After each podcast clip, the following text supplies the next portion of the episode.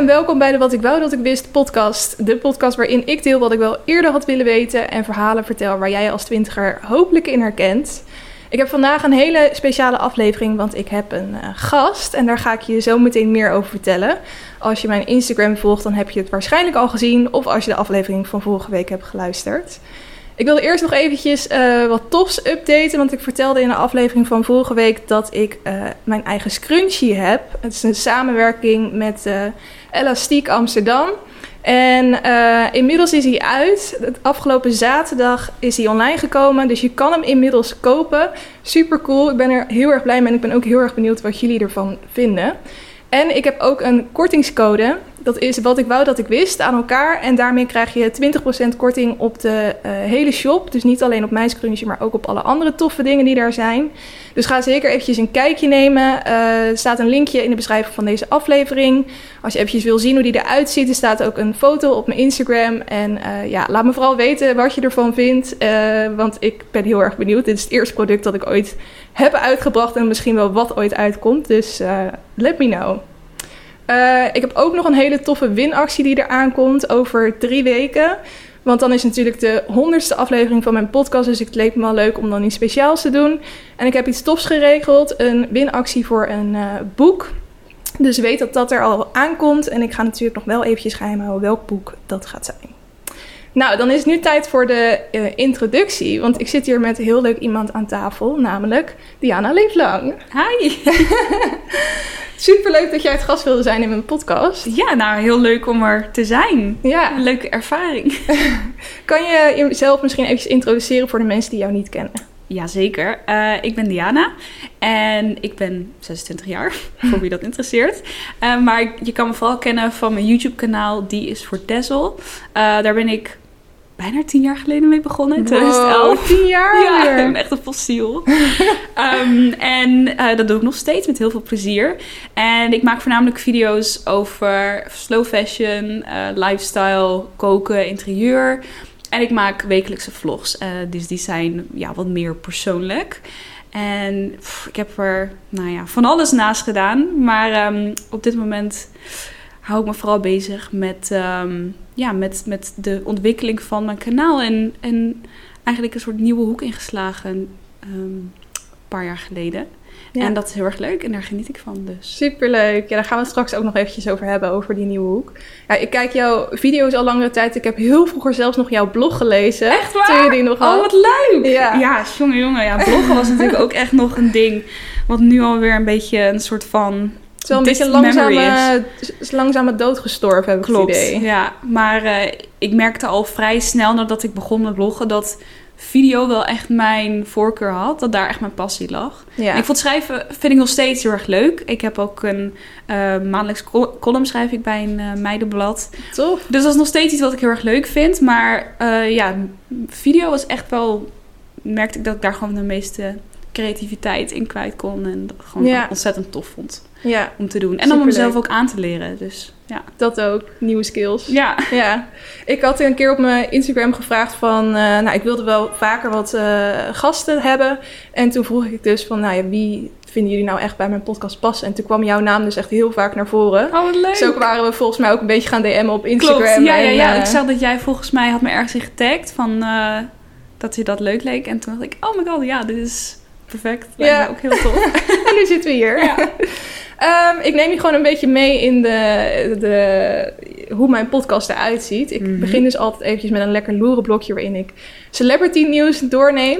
Um, nu zei je zelf al van, daar ben ik zelf niet helemaal in thuis. Maar misschien leer je nog wat nieuws. Precies, you never know. Um, het eerste uh, wat ik voorbij zag komen is dat Gregory van der Wiel en Roos Bertram een tweede kindje verwachten. Zijn voetballer? Ja, hij is een okay. voetballer. en zij is uh, model. Zij is right. 25. En dit wordt dus haar tweede kindje al. Dus ze is best wel jong eigenlijk. Oh my goodness. Dat is zeg maar ik één jaar geleden, maar dan had ik al twee kinderen. Ja, dan was je zwanger van de tweede. Insane. En hij eh, is 32, is wel wat ouder. En ze hebben al één heel schattig kindje, Nalea. En eigenlijk volg ik vooral die Roos Bertram op Instagram vanwege dat schattige kindje. Goeie reden. ik vind haar echt eh, prachtig, dus ik ben heel erg benieuwd hoe dat tweede kindje eruit gaat zien. Ze had het ook helemaal bekendgemaakt met van die fancy foto, soort fotoshoot waar je dan de buik in uit ziet komen en zo. Of Dat, course, eh, of course. ja. Ehm, en het volgende nieuwtje is dat er een Netflix-film aankomt.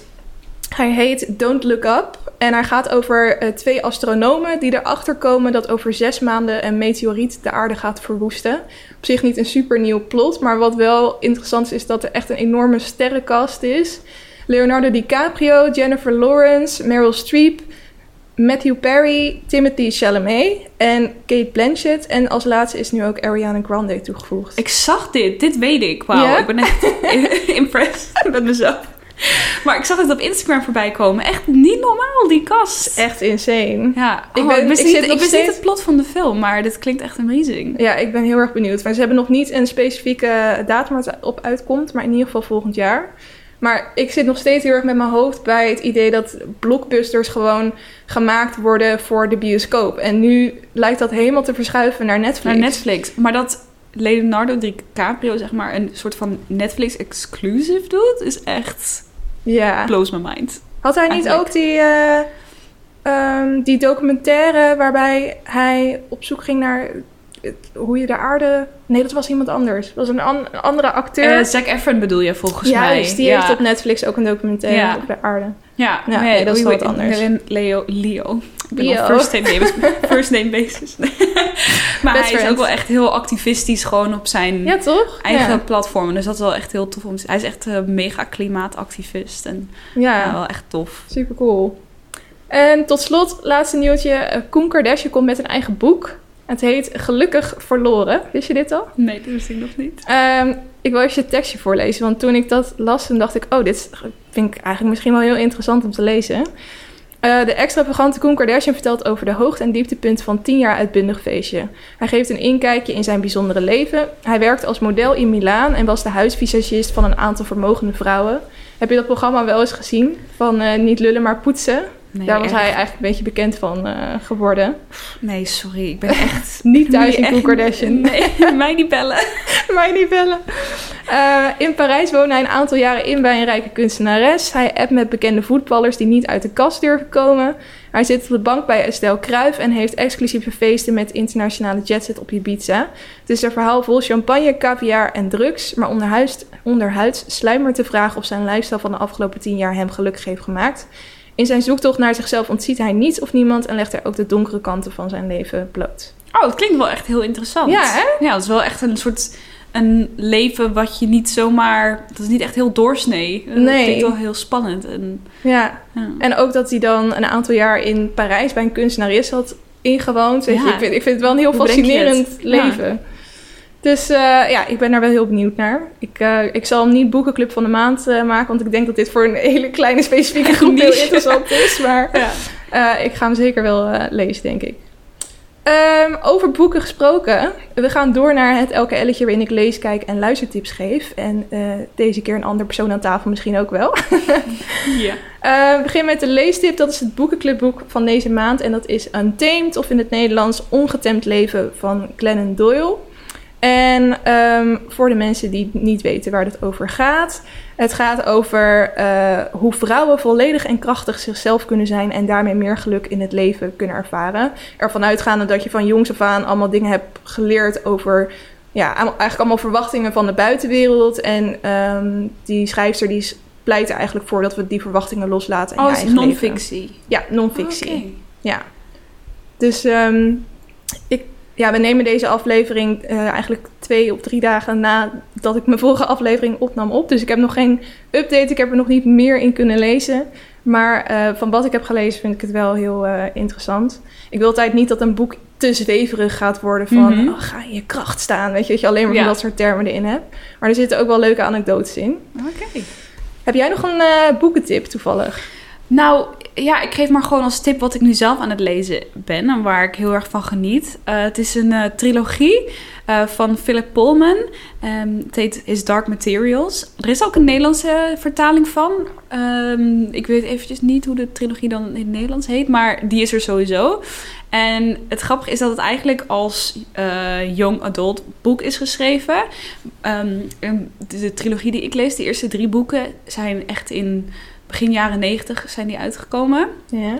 Um, en toen wereldwijd dus blijkbaar echt super um, bekend geworden. En dus door een soort van alle leeftijden geliefd. Beetje Harry Potter-ish, I guess. Wel, wel een beetje sci-fi. Het is, ja, wel fantasie. Het is, het is zeg maar gebaseerd op de echte wereld. Maar wel met een uh, fantasierijke twist. Dus er zitten wel dingen in die... Ah.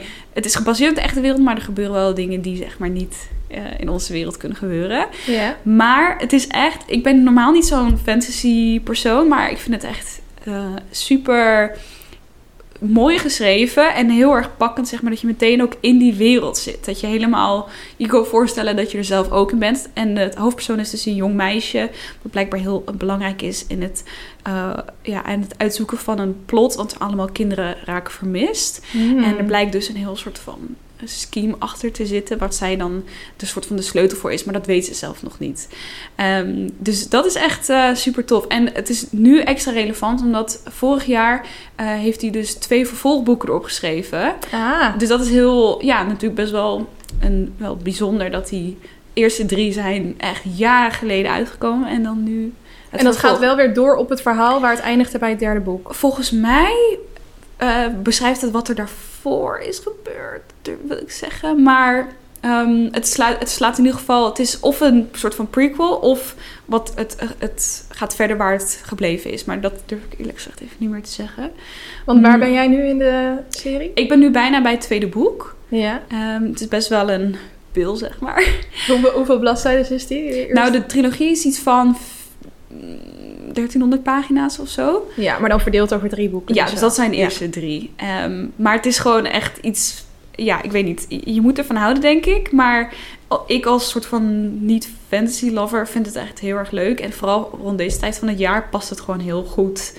Want ze gaan naar naar de Noordpool is het zeg maar in de sneeuw en oh. ik weet niet en op uh, het speelt zich ook af op een college en ja het, het doet me echt het is echt heel erg vergelijkbaar met die sfeer van Harry Potter. Daarom vergelijk ik het daar ook even mee. Omdat je dat ook zo rond deze tijd van het jaar...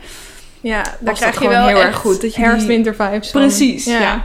Dus vandaar, dat is denk ik mijn leestip. Oh, leuk. Ja. Ja. die lijkt me heel interessant. Ik ben zelf ook niet echt van fantasy, maar juist daarom dat jij zegt dat je als niet-fantasy Ja. persoon dat wel... eh, En hoe heette die, zei je? His Dark Materials His Dark Materials. van Philip Pullman. Oké, cool. Leuk. Uh, en dan gaan we door naar een kijktip. Ik heb afgelopen week op, uh, of eigenlijk afgelopen weekend, echt een serie keihard gebingewatcht. Gewoon alles in één keer achter elkaar. Ja. Er was ook echt voor de rest niks te doen. Het regende ook heel het weekend. Mm -hmm. uh, en dat is de serie Away. Heb je die gezien? Nee, die ken ik niet. Die gaat over een vrouw die astronaut is. En zij zit in de club die voor het eerst naar Mars gaat. En je krijgt dus heel erg haar persoonlijke verhaal mee. Um, want zij is getrouwd en ze heeft een tienerdochter. En eigenlijk vanaf het moment dat... De, eigenlijk de dag voordat zij vertrekt naar Mars... tot uh, het moment dat ze wel of niet landt op Mars... dat is eigenlijk het eerste seizoen. Mm -hmm. En um, ik heb echt meerdere keren zitten janken... omdat je eigenlijk pas op het moment dat je zo vanuit iemand... Het, kijk, het is, het, het is heel vet als je mensen uh, de lucht in zie ga, ziet gaan... of uh, zo'n raket uh, volgt, zeg maar. Alleen, je ziet niet echt het persoonlijke verhaal... voor hoe is het nou voor iemand om drie jaar weg te zijn van huis... en hoe hebben zij contact met thuisfront. En want ook hoe verder je van de aarde komt, hoe moeilijker dat wordt. Hoe doe je het als er iets kapot is aan die raket, dat ze dan zelf naar buiten moeten. En ja, ik vind dat gewoon heel fascinerend. Heb je de film First Man gezien? Nee. Oh, dat is, um, gaat over Neil Armstrong en gespeeld door Ryan Gosling. Is oh. Volgens mij twee jaar geleden of zo uitgekomen. En die, dat is precies om die, de, de reden die jij nu beschrijft ook zo fascinerend. Omdat het iedereen kent het verhaal zeg maar, van de maanlanding. Uh, en weet je wel, zijn iconische woorden van one step, one full step. Um, maar deze film focust dus heel erg dus ook op zijn persoonlijke leven. En de impact die het bijvoorbeeld op zijn familie had. En alle trainingen die ze gedaan hebben en hoe hij bijna niet was gegaan en nou, allemaal dat soort dingen. En op, op waarheid gebaseerd dus ook. Ja, Ja, ja, oh, ja, ja, cool. zeker. Dus echt, ehm, nou ja, mocht je die nog niet gezien Ja, hebben. dan ga ik die zeker kijken. Ja, ik, ik dacht altijd dat ik niet echt van de ruimtefilms was en zo. Ik ging dat blijkbaar onbewust een beetje uit de weg. En nu heb ik zoiets van, ik wil alle ruimtefilms Ja, ja, ja, ja. Ehm, maar dat zijn eh, tien afleveringen van drie kwartier per stuk ongeveer. Dus als je aankomend weekend nog niks te doen hebt, dan eh, weet je wat je te doen staat.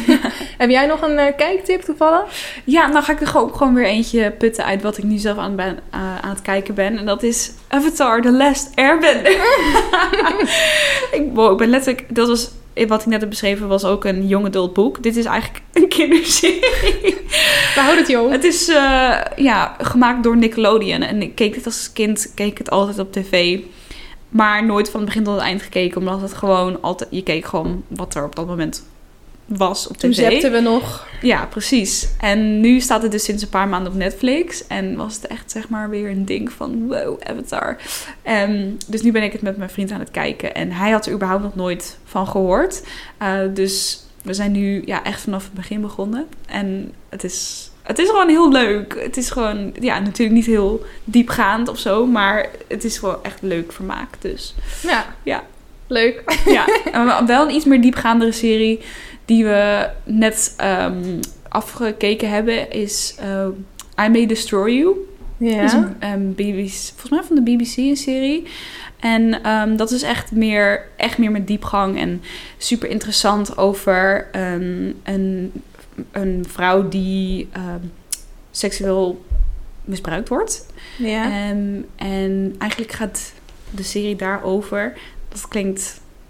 Ja, het is op een heel unieke manier gedaan. Het laat ook heel erg de Black Experience zien. In Londen speelt het zich af. Mhm. Ehm, en dus ja, de struggles rondom seksueel misbruik. Hoe vaak het niet serieus genomen wordt of onderschat. Ja, hoe groot de impact daarvan is. En het is wel fictie?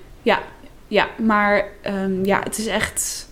De, de hoofdrolspeelster, ik ben heel veel haar naam kwijt. Zij heeft het ook geschreven en geproduceerd. Dus het is echt helemaal haar ding. Mhm. Mm, dus dat is een aanrader meer. Als je weer diepgang zoekt. Ja, is dus, ook echt een aanrader. Ja, echt heel Mooie tof. verdeling. Ja. Ja. Oké, cool. Eh, tot slot een luistertip. Ik heb deze volgens mij heel lang geleden wel eens get- getipt, omdat ik... ehm, toen had ik er zelf geen een en toen, dan vraag ik wel eens aan mijn luisteraars van... wat, wat vinden jullie echt een goede luistertip? En toen zei iemand een keer eh, Dying for Sex. En toen heb ik die wel gesaved van... oh ja, die moet ik nog een keer kijken. Maar ik had er zelf, was ik er nog niet aan toegekomen. En afgelopen week heb ik die dus voor het eerst geluisterd. Ik vond hem echt heel goed in elkaar zitten en heel fascinerend. Het gaat over een, eh, een, een vrouw die ehm, borstkanker heeft. En zij eh, gaat dat niet meer overleven. Dat weet ze al, ze is terminaal verklaard.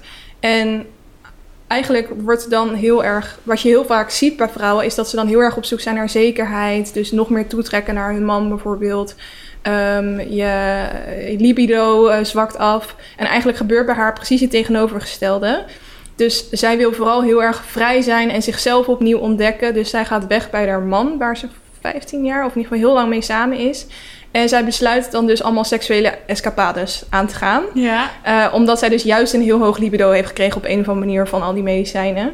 En zij wil dan dus haar laatste jaren gewoon eh, ja, vooral heel veel leven. En door die seksuele escapa- escapades aan te gaan, doet zij zeg maar een fuck you naar kanker. Wat grappig. Dus elke eh, aflevering heeft zij het dus met haar beste vriendin, dat is de podcastmaker, over wat zij dan weer heeft beleefd op eh, seksueel gebied. En ook hoe zij dat mentaal vond, want dat is natuurlijk wel een gekke situatie. Heb je het er dan ook over van ik heb kanker, ja of nee? Of het zijn allemaal toch wel casual relaties die je dan aangaat. Hm, Dus ehm, ja, ik vond dat wel interessant. vet. Ja. Heb jij nog een luistertip? Ehm, ja, ik heb niet echt heel originele luistertips. Want ehm, als ik zelf bijvoorbeeld... Nou, de podcasts die ik zelf luister zijn ook best wel bekend, denk ik. Mm, ik denk, op dit moment is mijn favoriet en J. Ja. eh, New Emotions. New Emotions, ja. Ehm, ja, dat vind ik gewoon een leuke podcast. Omdat het gewoon altijd over echt de meest random onderwerpen gaan. En altijd leuke gasten ook. ja. Dus ehm, Hele lange afleveringen ook, toch? ja, klopt. Maar ik luister dat vaak gewoon... Als ik met mijn hond ga lopen, dan zet ik zo'n podcast op. En soms dan, als het een korter is, dan kan ik hem helemaal afluisteren. En soms dan ja, kan ik hem gewoon over een paar sessies zeg maar uitspreiden. Ja. Maar ik vind het altijd wel gewoon gezellig om een soort van in de achtergrond op te hebben staan. Dat, ja, het is altijd gewoon een beetje, nou ik wil niet zeggen slapgelul, maar ja het is gewoon, eh, het is niet Ja. heel zware stof of zo. Ehm, heb je pas nog een leuke aflevering geluisterd met een gast die eruit sprong voor jou? Nou, weet je, ik ben dus helemaal vanaf het begin begonnen eh, bij een soort van hun eerste. Maar toen op een gegeven moment dacht ik, ik wil eigenlijk gewoon. Toen ben ik een beetje gaan freestylen. Ja. Dus ehm, de laatste, ik had laatst een eentje geluisterd, die vond ik heel leuk. Met, eh, hadden zij de gozers de gast van ehm Bakkie Bakkie heet ze, geloof ik. Ehm, Bakkie, twee, ja, twee jongens die een podcast over muziek hebben. Ah. Volgens mij, ja, volgens mij heet het zo. En dat was een hele leuke aflevering. En nou ja, Oké, Ja. cool. Dus als je die gaat luisteren, dan is die in ieder geval een tip. Ja. Wakkie, wakkie. Eh, Oké, dat, waren- dat was het voor het elke elletje. Ik hoop dat je er leuke tips uit hebt kunnen halen. Eh, dan gaan we nu door naar het hoofdonderwerp. En dat ben jij. Nee, maar ik, eh, wat mij wel heel leuk lijkt, is om in deze aflevering eigenlijk een beetje te echter achterhalen hoe het is voor jou om door het leven te gaan als twintiger. Want dat is wel een beetje waar mijn podcast om draait omdat natuurlijk heel veel, er, er verandert zo ontzettend veel. Eh, je hebt zoveel invloed van buitenaf die jou vertellen hoe jij je leven moet leven. Iedereen gaat weer op een ander tempo waar je ook weer heel onzeker van kan worden. Sowieso kunnen er heel veel onzekerheden eh, ontstaan. Dus ehm, dat wordt een beetje de rode draad in ieder Ja. geval. Eh, dus het leek me wel leuk om mee te beginnen. Waar was jij toen je 20 jaar was? Qua waar woonde je? Wat studeerde je? Hoe zat het met je blog of je YouTube kanaal? Of... Ik was, even denken, aan het studeren. Eh, volgens mij was ik toen al aan mijn tweede studie begonnen. Eh, ik deed Engelse taal en cultuur eh, hier aan de UvA. Ja. En eh, toen ging het net heel goed met mijn YouTube-kanaal. Ik was begonnen, nou ja, toen ik net 18 was. Dus was ik net twee, ja, toen was ik twee jaar bezig. En toen was het echt net heel erg aan het groeien. En eh, ik weet nog, dat was... ik had eh, na mijn eerste studie een tussenjaar gehad. Omdat ik gewoon niet wist... Wat was je eerste studie? eh, algemene sociale wetenschappen. Waarom zeg je dat zo? Ik weet het niet, omdat ik eh, al best wel snel erachter kwam dat het niet echt mm, voor Was mij niet was. je ding? Nee, ik Nee. vond het gewoon niet heel erg leuk. Ik heb wel het jaar afgemaakt, maar toen op een gegeven moment dacht ik, nee, dit, is, dit wil niet, hier wil ik niet mee doorgaan. Nee. Dus toen heb ik het tussenjaar gehad om een beetje mezelf soort van uit te vogelen. Volgens mij was ik toen dus 19.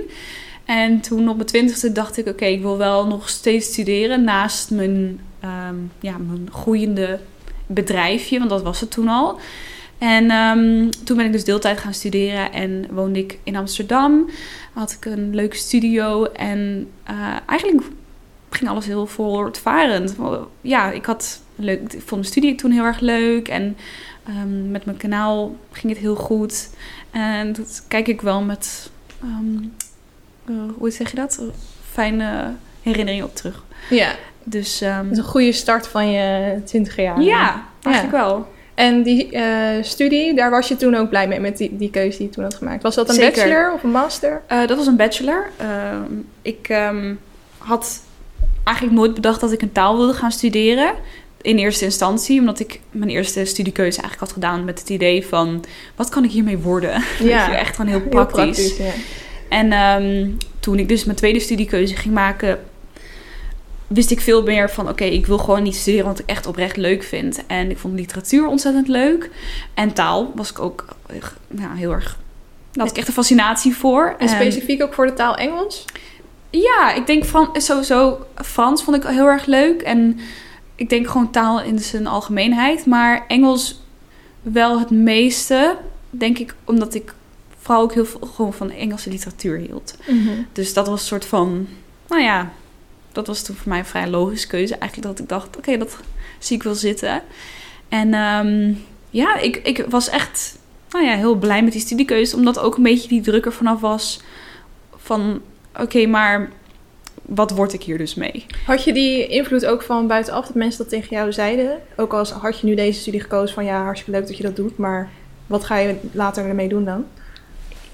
Ja, ik kreeg wel vaak de vraag van, oh, wil je docent worden dan? Ja, dat is wel een logische vraag. hoor. Nee, dat wilde ik absoluut niet. Ik had ook helemaal dus, nou ja, echt nul plannen om eigenlijk iets met dat diploma te gaan doen. Maar ik vond studeren wel heel belangrijk. En ook gewoon, en dat vind ik nog steeds, een, een heel goede basis voor een jong persoon.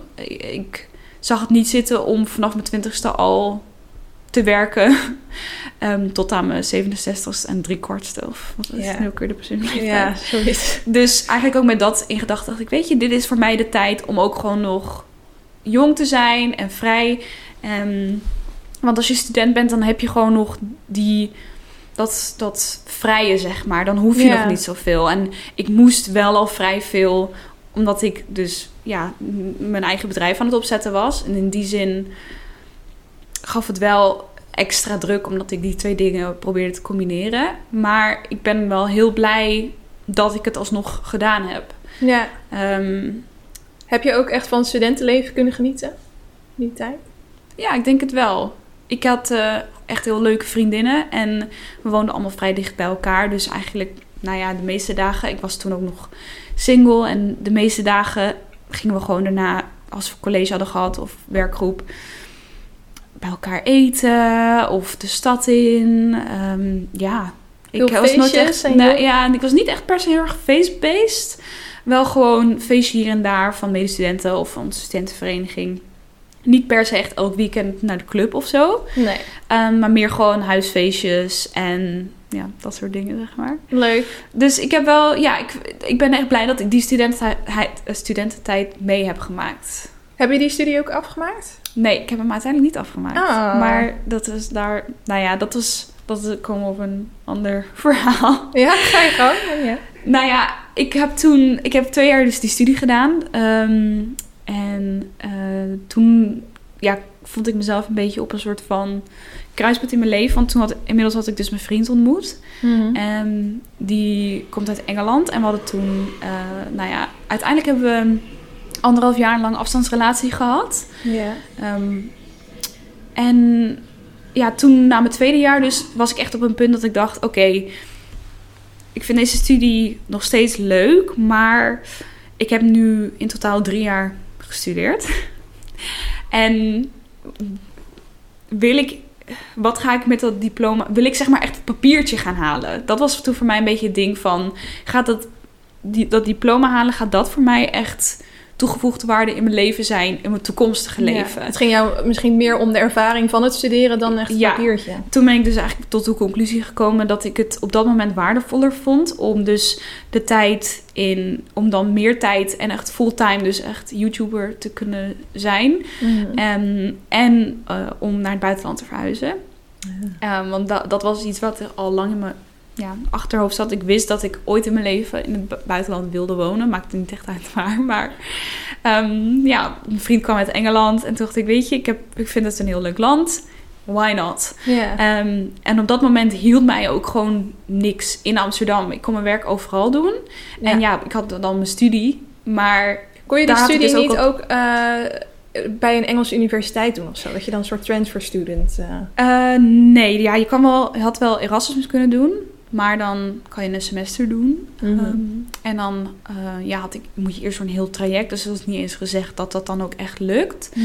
Eh, maar daar heb ik wel over nagedacht. Omdat ik dacht, oké, eh, Manchester zit ook in het Erasmus-programma. Dus misschien kan ik dan via mijn studie daar naartoe. Maar omdat ik toch al twijfelde over of ik nog... omdat ik deeltijd deed, had ik dan nog sowieso nog twee jaar moeten studeren... om echt het Ah. diploma te halen. En toen dacht ik, ja... Toen kwam ik op een punt dat ik dacht, dit is het me niet meer waard. Ik heb het echt ontzettend leuk gehad. Ik heb heel veel leuke dingen geleerd, nieuwe mensen leren kennen. Maar uiteindelijk is mijn, vind ik, de ervaring die ik nu buiten mijn studie opdoe... eigenlijk een soort van waardevoller dan wat ik nu hier eh, op de universiteit aan het leren ben. Ja. En, en nou ja, zo geschieden. Toen ben ik ermee gekapt. En Ja. eh, heb ik mijn spullen gepakt. ben ik naar Engeland vertrokken. Geen spijt van gehad? Nee, Nee. Nee, absoluut niet. Ik, eh, wat ik zeg, ik ben blij dus dat ik die tijd heb meegemaakt als student. Maar dat ik geen diploma heb, ehm, nee, daar, daar ehm, bekommer ik me nu niet meer zo om. nee. En- Hoe, zou, hoe zou jij, wat voor advies zou jij geven? Want ik weet dat heel veel mensen die in de twintig zijn, dat struggelen met wat voor studie moet ik kiezen? Is het überhaupt de moeite waard om een studie Ja. gaan doen? Kan ik niet gewoon nu beter aan het werk gaan? Hoe kijk jij daar tegenaan? Ik denk dat het echt heel persoonlijk is.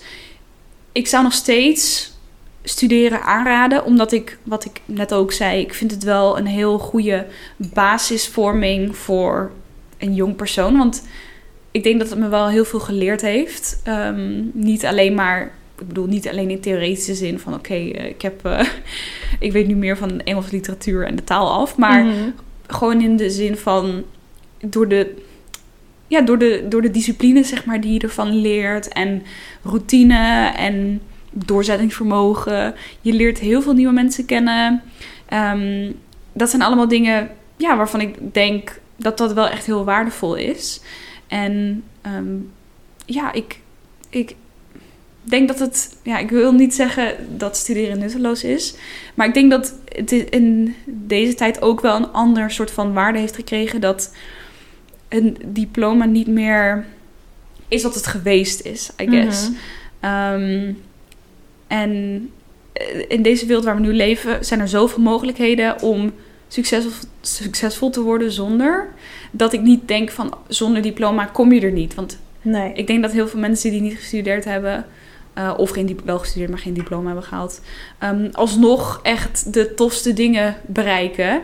Dus ja, dus het, het, het ligt denk ik gewoon heel erg aan wat voor persoon je bent, wat je ambities zijn, waar Ja. je bent in je leven.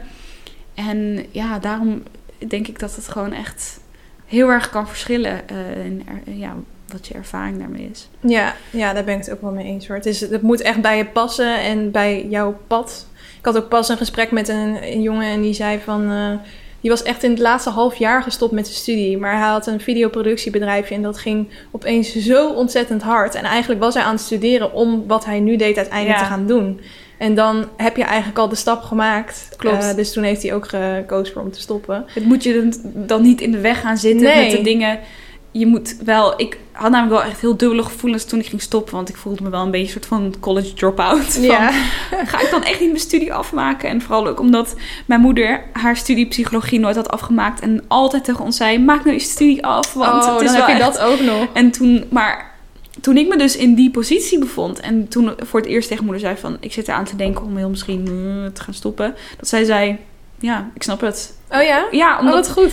Omdat haar situatie was zo anders dan die waar ik me in bevond. Dat je het niet echt naast elkaar kon leggen. Dat is ja, eigenlijk meten met twee maten. Ik had ja, mijn YouTube-kanaal wat toen zo goed ging... dat eigenlijk mijn studie daar meer in de weg van ging zitten...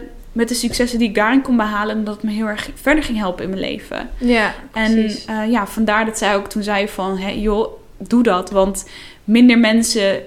Uiteindelijk gaan er meer mensen zijn met een bachelor Engelse taal en cultuur... maar waarschijnlijk veel minder mensen die een succesvol YouTube-kanaal aan het opbouwen Ja, zijn. Goeie opmerking. en de ervaringen die je hier nu mee opdoet... ja, die gaan je waarschijnlijk ook ehm, wel helpen in het leven. Dus Ja. go for it. Toen Fijn dat zij erachter stond in ieder geval. Ja, ja. En je noemde ook al een paar keer je vriend. Eh, uit Engeland komt hij. Ja. Hoe is dat zo gekomen? Hoe heb jij hem ontmoet? En... We hebben elkaar ontmoet eh, op een persreis. Ik was ehm, voor MTV naar Malta en hij was daar voor de krant die hij, waar hij voor werkte in Engeland. En was hij gewoon een stuk aan het schrijven over Malta zelf. En ehm, toen hadden we een dag, werden we samengevoegd, twee groepen, om een soort tour te doen van het eiland en weet ik veel, ergens te gaan eten. Nou, en dan in de avond was er een festival, dus van MTV waar ik voor was. En ja, we ontmoetten elkaar bij de lunch en was er een klik, I guess, een interesse. En toen eigenlijk de hele dag hebben we een soort van samen doorgebracht. En meteen heel veel gepraat. En echt best wel ook echt over onze familie en zo. Dat ik dacht letterlijk, ik heb meneer, ik heb jou vandaag ontmoet, weet je wel. Ja, maar we hadden gewoon meteen heel erg, eh, ja, een connectie. En, Merkte je ook al direct dat het een romantische connectie was? Ik denk het wel. Ja, het was wel meteen dat ik dacht... Ik vond, hem, ik vond hem gewoon een leuke jongen om te zien.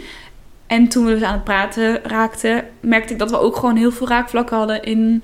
Ja, hoe we naar de wereld keken, I guess. Een soort van de ervaringen die we hadden meegemaakt. En ja, dat ik gewoon meer van hem wilde weten. Ja. Ehm, En toen, nou ja, aan het einde van de avond naar het festival. Nou, misschien dat er hier en daar heel gekust is. Wel Dus- romantisch zo bij een Ja, festival. heel romantisch. Leuk. maar goed, toen de volgende dag letterlijk ehm, moest hij, zat hij 's ochtends vroeg alweer in het vliegtuig. En ik ging later die dag weer weg. Dus Mm. dat was het. Wel nummers uitgewisseld, neem ik aan. Eh, nee, Nee. maar ik dacht, ik ga hem sowieso... Ik, ik vind hem, zeg maar, ik, ik vind hem... Wel- find you. Ja, Eh, met wat detective werk. Dus toen uiteindelijk op Facebook hebben we geconnect. Oh, ja. En ehm, Jij Ja. of hij? Ik. Jij deed Nou, het. ik was dus echt degene die super eh, enthousiast was om contact te behouden. Mhm. En ik was dus degene die steeds berichtjes stuurde. En ah, ik stuurde hem dan een berichtje. En dan kreeg ik echt vijf dagen later of zo een bericht terug. En dan dacht ik, wel een heel lang bericht dan. Niet gewoon van, eh, als ik vroeg, hey, hoe gaat het? Nee, inderdaad, oké. Wel dan weer een lang bericht. Maar wel dat ik dacht van, oké, waarom heb je hier vijf dagen over gedaan? Zeg maar. Ja. En ik dan echt zo inhouden om niet meteen binnen 30 seconden te antwoorden. Is mijn berichtje wel aangekomen? Ja, Hallo? hallo. En ik weet nog, op een gegeven moment was ik er zo klaar mee. Echt, ik was dus... Ja, ik zag het wel zitten. Ook al wist ik dat hij in Engeland zat, dacht ik... Ik denk dat we gewoon een heel leuke connectie hadden. Dus ik zie het wel zitten om te kijken van wat de mogelijkheden zijn. Mhm. Maar op een gegeven moment kreeg ik zo weinig respons dat ik gewoon maar ermee opgehouden ben. En toen hebben we denk ik echt een paar weken niet met elkaar gepraat. En Hij toen stuurde jou toen ook niet een berichtje? van- Nee, nee, het Oh. was gewoon een soort van radiostilte. Ah, Maar toen, na een paar weken, kreeg ik opeens een berichtje van hem. Toen dacht ik, oh, oké. En, en toen zijn we weer gaan praten. En vanaf toen, zeg maar, was het gewoon wederzijds. Ehm, en hij, nou ja, later hebben we het er wel eens over gehad. Ja, eh, ik ben benieuwd hoe, wat ja, was jij zijn gedachten echt. maar hij- ja, hij zat er in het begin toch anders in. Hij was ook nog niet zo super lang single. Nog niet dat hij echt net uit de relatie was. Maar hij Ja. vond het toch wel prima, zeg maar, de single lifestyle. En ja, het feit dat ik in Amsterdam woonde, was voor hem wel een ding dat hij dacht... we kunnen niet even koffie gaan drinken of zo. Om te kijken Nee. van of we elkaar Kan wel echt leuk eh, vinden. En casual op gaan starten. Nee, het is best wel een commitment natuurlijk om iemand uit het buitenland beter te leren kennen. Ja. Ehm, maar ik denk dat hij misschien in die tijd dat ik het gewoon even gelaten heb. Dat is ook wel weer een wijsheid. Vaak hoe harder je trekt aan iemand, Ja. hoe meer ze tegenstribbelen. En als je gewoon denkt, nou laat het ook maar allemaal, dan... Nou ja, hè? Woon je opeens samen? Ja, zo kan het gaan. Zo kan het gaan. Dus vanaf toen hadden we gewoon heel veel contact. En toen op een gegeven moment, ik denk vier maanden of zo nadat we elkaar dus ontmoet hadden, had ik een tentamen, één tentamen en de rest van de week vrij. En toen dacht ik, weet je, ik ga naar Engeland toe. en toen we eigenlijk hem gaan opzoeken. En had je dat tegen hem wel gezegd, dat je daar naartoe kwam? Ja, ik, Oké, ja, ik was niet... eh, hoi! ik heb uitgezocht waar je woont en eh, hier ben ik. Nee, toen had ik wel gezegd van... hey, ik zit aan te denken om naar Engeland te komen... want ik heb toch niks beters te doen. Ja. Ehm, zou het leuk vinden als ik je kwam opzoeken? En toen was hij meteen ook heel enthousiast. Oké. En toen heb ik eerst ben ik alleen twee dagen naar Cambridge gegaan. En toen dus de trein naar Manchester genomen om hem daar te ontmoeten. En toen hadden we nog iets, nou ja, volgens mij drie dagen samen meteen. Maar sliep je dan bij hem? Of had je... Ja, we hadden een, ehm, hij had voor ons een weekend geboekt in het Lake District. Is net, ja, het is in de buurt van Manchester, maar een heel mooi natuurgebied. Mhm. En omdat hij dus voor de krant werkte, had hij een soort van PR-contacten. En een hotel daar had gevraagd of hij daar een stuk over wilde schrijven. Toen Ja. dacht hij, oké, 1 en 1 is 2. Toen heeft hij dus geregeld dat wij samen daar naartoe konden. Oké. Dus ehm, Wel was spannend ook gelijk dat je samen een Oh hotelkamer my hebt. 100% Want ik dacht echt... Hè, maar oké, we hadden natuurlijk wel al echt veel met elkaar gesproken in de Mhm. tussentijd. En ik had denk ik wel een idee van hoe hij was. Maar ik had hem één keer gezien, zeg maar, in, mijn le- of, eh, in het echt. Ja, Ja. tijd mee doorgebracht. Dus dacht ik, dit gaat zo awkward zijn als we Straks nu klikt gewoon... het opeens toch niet. Inderdaad, het was wel... Toen ik aankwam was ik ook echt zo zenuwachtig. Omdat ik gewoon echt dacht... Lijkt me ook mega Maar- spannend. Het het is ook heel onkarakteristiek voor mij om dat gewoon te doen, zeg maar. Normaal zou ik daar echt, nou ja, heel lang over na moeten denken. En met dit was het gewoon echt meteen, toen ik het idee had, dacht ik, kijk, ik moet ook gewoon nu die tickets gaan boeken. Mhm. Want anders dan ga ik mezelf hier uitpraten, weet je wel. Dat ik denk, Ja. nou, het is toch niet zo verstandig. Je kent die jongen amper, bla, bla, bla. Ehm, maar toch, mijn instinct zei, doe dit nou. en uiteindelijk, ik- stapte bij hem in de auto. En in het begin was het echt zo... Ik moest ook heel erg soort van... Ik kon ook echt geen woorden in het Engels meer bedenken. Ik dacht, oh my god, wat is dit? Ik zat met Google Translate als ik iets wilde zeggen. ik, wat is dat woord ook alweer? Terwijl je zelf Engelse taal studeert. Ja, maar ja, met, eh, dat is toch heel anders. Met die studie sprak je maar weinig Engels. Tenminste, Ja, de, alle werkgroepen en zo, taal. die deed je wel in het Engels. Maar het is toch heel anders wanneer je gewoon een gesprek hebt met iemand. En ja. dat je zeg maar zo even eh, woorden moet bedenken. Dus dat was voor mij in het begin ook nog wel een struggle. Dat ik dacht, oh, ja. Dus, ehm, maar toen echt, denk na een uurtje of zo, was ik iets meer op mijn gemak. En toen was het eigenlijk gewoon weer zoals, ja, we, zoals ik hem kende van, ja, toen we ja. we op Malta elkaar leer- leerden kennen. En hebben echt super leuk weekend gehad. En echt heel, een beetje sprookjesachtig. Het was ook de herfst toen in Lake District. Dus het was echt super mooi. Alle plaatjes waren aan het verkleuren. En zaten we daar in een soort van... Ja, het was een hotel, maar heel Engels. Meer een soort van... eh, ja, moet ik dit nou goed omschrijven? Het was echt meer een soort van... Niet, ja, een beetje landhuisachtig in de bossen. Mhm. En we hadden dan de bridal suite gekregen. Ook nog. Omdat we dus Extra eh, echt zeg maar hem natuurlijk een beetje wilde pamperen. Omdat hij dus goede woorden over het moest schrijven in de oh, krant. Ja. ja. Maar hadden we dus echt zo... Ja, ken je het merk Laura Ashley? Dat is echt zo'n heel klassiek Oh, Engels merk. Nou, echt een beetje zo was die kamer ingericht. Met van dat lichtblauwe behang. En dan zo gordijnen met van die tufjes eraan. En Mhm. een open haartje. En dan dat zo'n... Echt zo'n heel klassiek Engels Ja. soort van hemelbed. Nou ja, dus het was echt dat ik daar binnenkwam en dacht, ik ben een soort van Engelse ansichtkaart gestapt. en ik ben hier met deze Engelse kaart.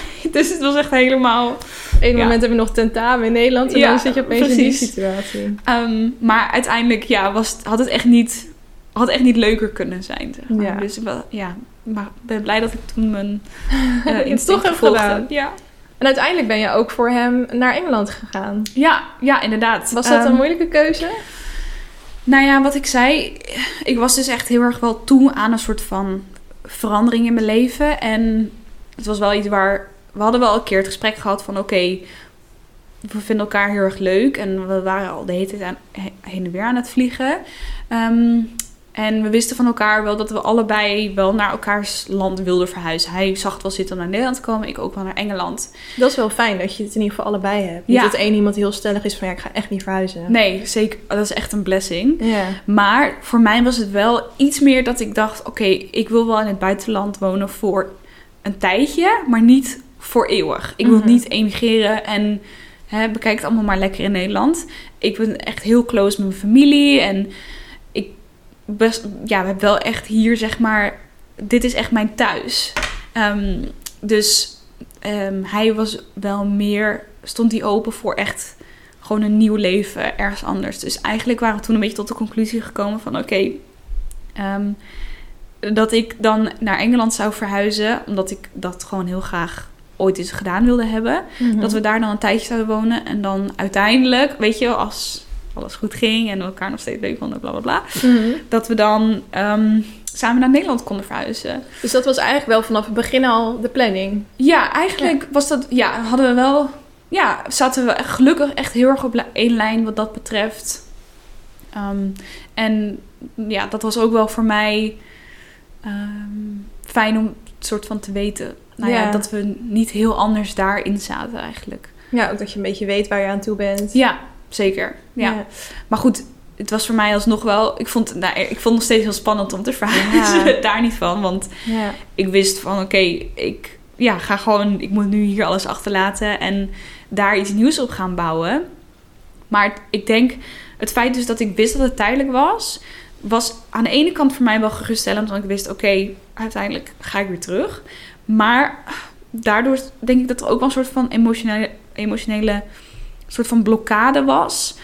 Mm, Dat ik me nooit echt per se helemaal 100% thuis en gezetteld voelde in Engeland. Omdat ik wist, oké, uiteindelijk ga ik toch weer terug. Weet Ja. je wel, dat is een soort van dat... ehm, die finishlijn, die zag ik al heel erg in zicht van... Oké, maar ja, ik ben hier voor even, zeg maar. Ja. Dus als Ik kan me ook voorstellen als je daar zo dan vrienden probeert te maken of zo, dat je dan ook niet, ja, je gaat je niet weet- super close nee, band je weet niet dat, het, je weet dat het, precies, dat het niet vrienden voor eeuwig zullen zijn. Ja, En ja, dat was denk ik ook wel. Ja, dus een blessing en een curse eigenlijk, uiteindelijk. Ehm, dat ons appartement voelde ook gewoon heel erg lang gewoon als een soort van Airbnb waar we heel lang in zaten. In plaats van echt als ons huis, ons thuis. Mhm. En ja, ik vond vooral een nieuwe vriend, vriendschappen daar opbouwen, vond ik echt het lastigst. Ehm, Hoe pakte je dat aan? nou, ik heb. Het grappige is, eh, ik denk sowieso was voor mijn situatie een beetje apart. Omdat ik en niet daarvoor een studie kwam en ook niet eigenlijk voor een nieuwe baan. Omdat ik voor mezelf werkte, wat ik natuurlijk vanuit overal kon doen, waardoor ik kon verhuizen.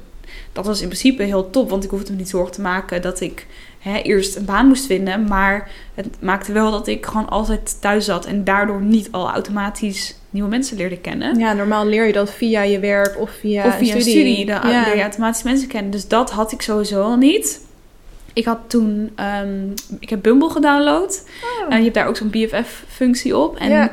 toen probeerde ik via dat meer mensen te leren kennen. Maar dat was toch wel lastig. Want als ik bijvoorbeeld ehm, vooral andere Engelse mensen daarop leerde kennen, andere Engelse meisjes. Het is toch anders wanneer je zelf ergens woont. Dan heb je vaak al je vrienden. En dan heb je niet per se heel erg behoefte aan nieuwe vrienden. Vooral als je je twintig jaren bent, denk je... Oké, je hebt meestal wel je vriendengroepje al. En Maar de Ja. mensen die op die app zitten, dan je zit niet zonder reden daarop. Denk nee, maar ik eh, merkte toch dat er wel...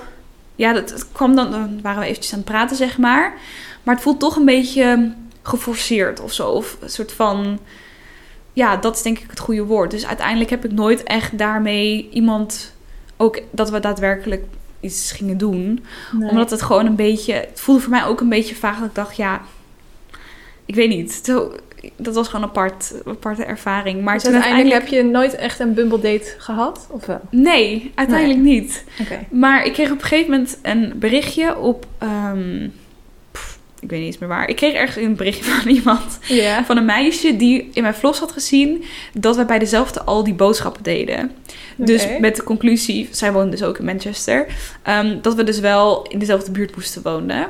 En dat was ook een Engels meisje dan? Nou, het bleek dus, zij was half Engels, half Nederlands. Ah. En zij woonde daar dus ook met haar vriend sinds een paar jaar. En bleek dus dat we in dezelfde straat letterlijk woonden. What? Ja, echt zo grappig. Dus toen hebben zijn we koffie gaan drinken. Toen hadden we echt meteen een super goede klik. Ehm, en zij was eigenlijk echt, ja, mijn, ja, zij zijn toen heel snel echt heel goede vriendinnen geworden. Ehm, dat we gewoon echt heel veel dezelfde interesses hadden. En ja, zij is eigenlijk echt mijn. Nou ja, als ik haar niet had gehad, was het wel echt veel eenzamer geweest. Want zij was altijd. Ik bedoel, ik had mijn vriend, of course, wat heel erg Mhm. helpt. Maar ik wilde niet alleen maar op hem kunnen terugvallen. Nee. En ja, met haar heb ik ook haar vrienden kunnen ontmoeten. En ehm, ja, het was wel echt heel fijn dat ik haar had. Want zij, we hadden natuurlijk raakvlakken omdat ze ook half Nederlands was. Ze was ook opgegroeid eh, in ehm, Nederland, in Maastricht. Dus dat was wel grappig dat we een andere soort van ervaring hadden. In, ook kwamen we allebei uit Nederland. Maar zij uit Maastricht, ik uit Amsterdam, dus dat is wel grappig. Ehm, en, maar ook, ja, omdat ze half Engels was, had zij ook natuurlijk meer nog één been ook in Engeland staan. Dus het was ook heel interessant om haar ervaringen te horen. En ja, dat, dat heeft me wel heel erg geholpen in die tijd dat ik echt, ehm, echt één super goede vriendin daar had. Sowieso. Heb je nu nog contact met haar? Nee, ik heb haar nu al heel lang niet gesproken, helaas. Dat, Nee. is, toch, dat is dan toch lastig. Maar voor Ja. die tijd was het dan gewoon... Dat, dat kan je natuurlijk ook hebben Ja. met vriendschappen. Die kunnen op een bepaald moment in je leven heel sterk Ja. zijn. En dan vul je maar als ze elkaar bijvoorbeeld aan. nu naar Nederland kwam, dan zou ik er wel weer heel graag willen zien. Ja. Dus het is niet dat ik dan denk van, oh, pff, boeit me nu niet meer of zo. Dat- Nee, nee. maar het is gewoon moeilijk om dan, vind ik, dan om via app bijvoorbeeld dan nog contact te houden. Oh, en dan over koetjes en kalfjes zo te praten. Ik, we hebben nog wel contact gehad, maar ja, nu is dat, we wonen nu alweer drie jaar, zijn we alweer terug in Nederland. Dus dat is ja, nu een beetje verwaterd helaas. Ja. Daarover gesproken, wat was het moment... Hadden jullie dat van tevoren ook vastgezet? Want van we willen na... Hoe lang heb je in Engeland gezeten? Ah, anderhalf jaar uiteindelijk. Had je ook afgesproken om daar anderhalf jaar te zitten en dan naar Nederland te gaan? Mm, Nee, niet per se. Ik, ehm, mijn vriend die had daar zijn baan en hij had net promotie gehad en zo. Dus hij was gewoon helemaal, hij was voor nu gewoon nog blij waar hij zat. En ik ben toen uiteindelijk een uh, deeltijdstudie uh, grafische vormgeving daar gaan doen. In Engeland? Ja, dat was Ah. twee avonden per week. Ehm, dat was wel echt heel erg leuk en ook fijn voor mij wel, omdat ik natuurlijk mijn, mijn werk had, maar dat was gewoon vanuit huis. En dit was heel fijn, iets waar ik naartoe kon gaan, dat me meer routine gaf. En ik heb Toch daar ook niet... een manier om nieuwe mensen te ontmoeten? Precies, ja. Het waren Ja. niet echt dat ik daar uiteindelijk nou echt super veel vrienden heb gemaakt. Want het waren toch een beetje, toch ander... Ik weet niet, ja, gewoon niet echt per se klik met mensen. Maar het was wel gewoon leuk om, ja, daar mensen te leren kennen en contact te hebben en zo.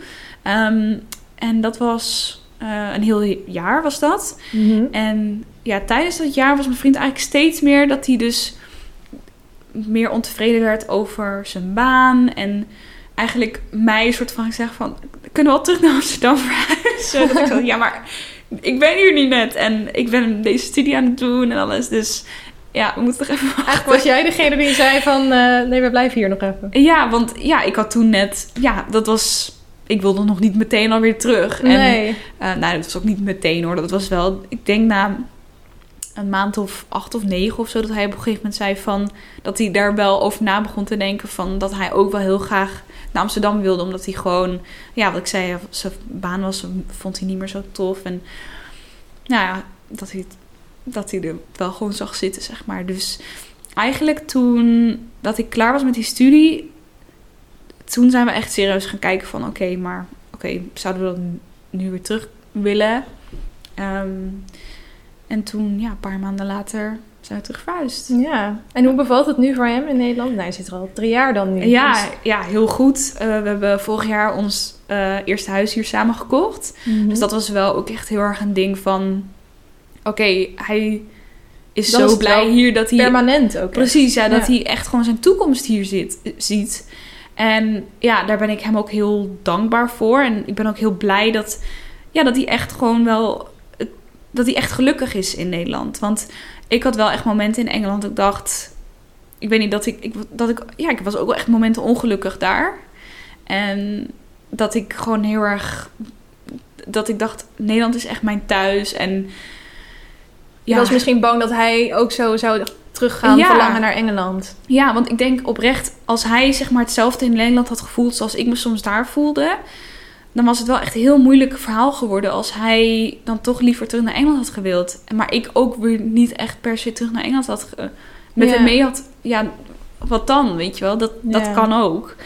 Dus ja, ik ben gewoon echt heel blij en dankbaar dat hij gewoon echt hier zijn plekje heeft gevonden en dat hij zijn werk leuk vindt en Amsterdam vindt hij geweldig. Dus jullie Ehm, hebben ook nog geen plannen om eh, te gaan verhuizen naar ergens Nee. anders in Nederland Nee. of naar Engeland? Nee, absoluut Nee. niet. Ehm, sowieso is Engeland nu echt een mes. En nou ja, politiek vooral. Maar Ja. ehm, ja, het leven in Nederland is toch wel wat relaxter eigenlijk dan daar. We hebben hier veel meer focus op de balans tussen werk en privé. Daar Oh is het echt... Ja, het is daar zo'n... De wel- werkcultuur daar is heel anders. Oh. Ehm, hier is het gewoon een stuk relaxter. ehm, meer tijd gewoon voor jezelf. En dat is wel grappig, want dat had ik nooit van tevoren. ik wist dat ook niet dat de werkdruk zo hoog lag eh, in ja, ja, echt enorm. Ehm, dat verbaast me altijd, want eigenlijk toen we daar woonden, was, me, was ik zo vaak in de avonden alleen of in de weekenden, omdat hij gewoon eigenlijk standaard moest overwerken. Oh. Ehm, de meeste weekenden gingen, er, gingen ze er ook gewoon vanuit dat hij dan nog een dag extra kon werken als er iets gedaan moest worden. En dat vond hij dan ook heel normaal, terwijl ik dacht, Dat is niet eh, normaal. zeg maar, wat je doet. ja. Ehm, en nu dat, ja, toen hij dus naar Nederland kwam en hier een baan had, hij heeft nu letterlijk om de week heeft hij een dag vrij, gewoon standaard. Ehm, en Dat weet je, dat soort dingen, voor dat hij echt zat van, hé? ik heb zoveel tijd voor mezelf en ik kan nieuwe hobby's oppakken, ik kan gaan sporten, ik kan dit doen, ik kan Oh. koffie gaan drinken. Weet je, it's all good. Dus ehm, ja, dat en gewoon, ja, de, de, ja, we zijn gewoon allebei, we zijn gewoon allebei heel blij hier. En Wat goed. Ja. En je eh, YouTube-kanaal, hoe is dat de afgelopen 26 ben je? Dus zes Ja. jaar. Hoe is dat de afgelopen zes jaar ontwikkeld? Je begon eigenlijk met een, je zat in een supergoeie periode, die Ja. twintigste. En hoe is dat toen verder gegaan? Ik, ehm, ja, toen, dat was in... eh, Laten we misschien beginnen bij eh, waarom ben je het gestart, je YouTube-kanaal? ik was begonnen puur uit verveling. dat klinkt echt ja, het is niet een heel spannend verhaal. Maar letterlijk, ik was de hele zomer thuis. Ik ging niet op vakantie. En ik verveelde me gewoon echt. Want al mijn vrienden die waren wel weg. En ik vond zelf... Volgde ik blogs ook wel. En YouTube eh, was ik ook echt al heel vroeg bij eigenlijk. Ehm, dus ik had daar, was daar wel gewoon heel geïnteresseerd in. Toen dacht ik, weet je... Ik moet mijn tijd vullen. Ik ga gewoon een blog beginnen. Ik- Heb ik twee weken vermaak. En dan ben ik het weer zat. Maar dan heb ik in ieder geval even iets te doen nu. Weet je wel. Dat echt Ja. die mentaliteit was ik begonnen. En wat was dan je eerste blog, weet je dat nog? Maar ja, het was ehm, Let's Start with an Introduction. Heet, was de In titel. Engels gelijk. Ja. en ehm was gewoon letterlijk een stukje. Ja, ik had een webcam foto van mezelf. En ik had gewoon geschreven: Ik ben, ik ben Diana, ik woon in Nederland. En ik ga schrijven over weet, alles wat ik leuk vind. Ehm, dat was mijn eerste blog. Ja. En ik, toen, eh, nou, ik vond het echt wel, eh, was het uiteindelijk veel langer dan twee maanden of twee weken blijven doen. Want ik merkte dat ik het wel echt eh, heel leuk vond. Om Had je het ook direct verteld aan familie en vrienden dat je ermee bezig was? Wel aan mijn moeder en mijn zus. Want ik ging ook mijn moeders, ik wilde ook mijn moeders camera gebruiken om foto's te maken. Oh ja. En ik had, dat had ik zelf niet. En, mag ik die camera ja, even zei, ik zei, ja, ik ben een blog begonnen. Ze zei, oké, prima, moet jij weten. Oh. Ehm, en eh, ja, ze waren het niet per se heel erg. Ze vonden het niet per se heel boeiend. Dachten, ja, oké, kind, ja, Doe succes ermee. Ja, mij zorgt niet aan. Ehm, en toen na een paar maanden dacht ik, oké, ik ga een keer een video maken. Want ik was toen naar de kruidvat geweest of zo. Ik had allemaal dingetjes. Dacht ik, weet je, dit is makkelijker als ik het niet allemaal op de foto hoef te zetten. Ik ga gewoon een video maken. ja. En ehm, nou ja, dat was, dat was, toen was mijn eerste video geboren. Een uh, kruidvat shoplog. Ja. En ehm, dat is echt letterlijk mijn eerste video. En toen dacht ik, hé, hey, dit is eigenlijk wel echt heel tof. En toen merkte ik ook wel dat er... Toen op een gegeven moment had ik één reactie. dacht ik, wow, ieder, zeg maar, een echt persoon heeft dit gelezen. En een reactie op geplaatst. En toen werden het er twee. En toen drie. dacht ik, oh my god, de fame. Ja, ik voelde pijn. Ehm, en toen ben ik ermee doorgegaan. Had En- je, eh, deelde je het dan ook op eh, social media van jongens, ik ben een blog begonnen en wat voor, ik- was je nog Nee, bang niet- voor reacties Oh, ik van? had, nee, ik had het absoluut met niemand. Mijn moeder en mijn zus wisten ervan, maar verder niemand. niemand. Ik had niemand van mijn vrienden verteld, niemand van school. Oké, Omdat ik gewoon niet wilde dat zij dat zagen. Ik schaam me er wel een klein beetje voor. Maar ik dacht van, oké, ja, letterlijk. Ik maak ook foto's en video's van mezelf. En zet op het internet. ja. Dat was toen echt nog helemaal geen ding. Ehm, dus nee, ik had dat ja, echt nergens persoonlijk. Ik wilde echt niet dat mijn eigen kringen zeg maar daarvan Nee. afwisten. Maar toen, Nee. na een paar maanden, kregen ze er toch lucht van. Op school had iemand dat gevonden en dan gaat het zo snel Ja, rond. dan weet iedereen. Ehm, maar volgens mij zat ik toen in mijn laatste jaar van de middelbare. Ehm, en toen dacht ik, weet je, ik kan er nu mee stoppen omdat een paar mensen nu achter mijn rug om mijn filmpjes belachelijk zitten te maken. Maar ik vind het heel erg leuk om te doen, dus ik kan er ook gewoon mee doorgaan. Ehm, dus heb ik dat gedaan. En ja, Wel goed eigenlijk- dat je dat soort dingen niet hebt laten aan- aantrekken. Ja, I guess. Ja, het was wel... Ik baalde er wel van een dag van... Letterlijk, ik doe gewoon niet wat ik leuk vind. En Ja, laat mij. Laat mij lekker, ja. Mm, maar ik was sowieso nooit echt per se heel populair op school. En ik denk dat ik op zich wel... Wat andere mensen van me vonden... Trok ik me niet per se heel veel... Trok ik ervan aan, omdat ik toch dacht van ja wat, Ja. wat, wat maakt het uit, zeg Ja. maar. Het- ik had gewoon mijn vaste vrienden en ja, ik leg- legde er bij mij neer, zeg maar. Dus ehm, ik wist ook, ik ben nu met een paar maanden weer weg. Eh, en toen ik naar de universiteit ging, heb ik wel...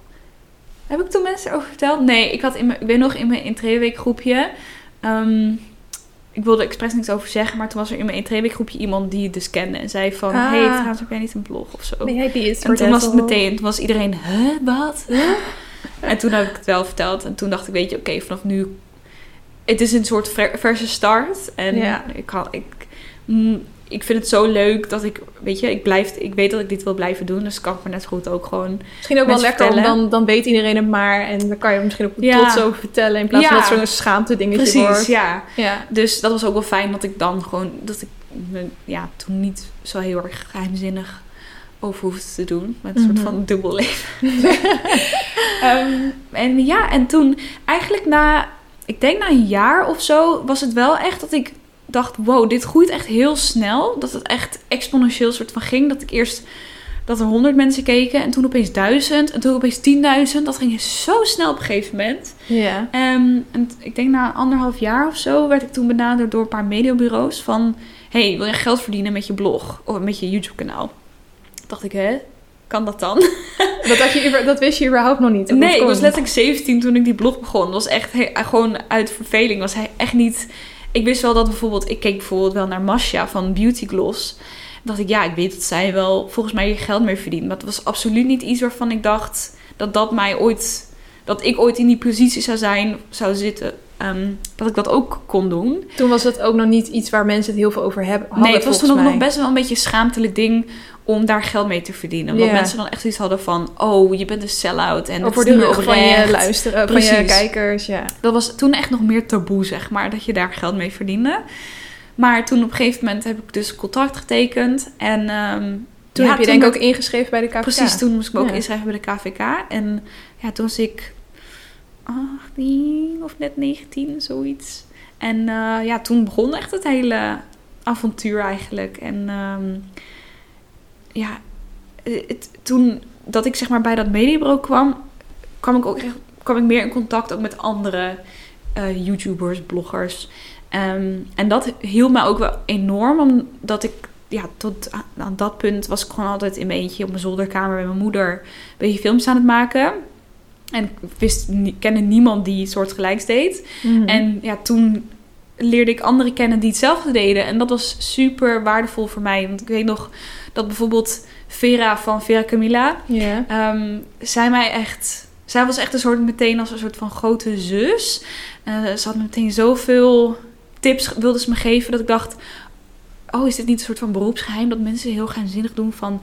Hè, eh, dit is hoe ik het doe en dat dat een beetje een ding was. Maar zij heeft- wilde meteen alles met me delen. En Wat Ehm, leuk. Ja, zo waren nog wel anderen die gewoon meteen ja, heel behulpzaam waren. En helemaal niet zo van, oh je bent een concurrent of zo. Maar gewoon heel omarmend en van, hey, we're on this together. Ehm, Dat is denk ik ook wel iets wat, wat veel mensen zich afvragen hoe dat nou tussen YouTubers gaat. Want je, je- vooral in Amerika heb je natuurlijk al die YouTube beef tussen YouTubers en zo. Ik heb het idee dat dat in Nederland een stuk minder is. Hoe ervaar Klopt. jij dat? zo ervaarde ik het ook. Eh, helemaal in those days. Nu is het landschap echt heel anders. Toen Ja. waren er echt handjevol YouTubers die het echt zeg maar serieus deden.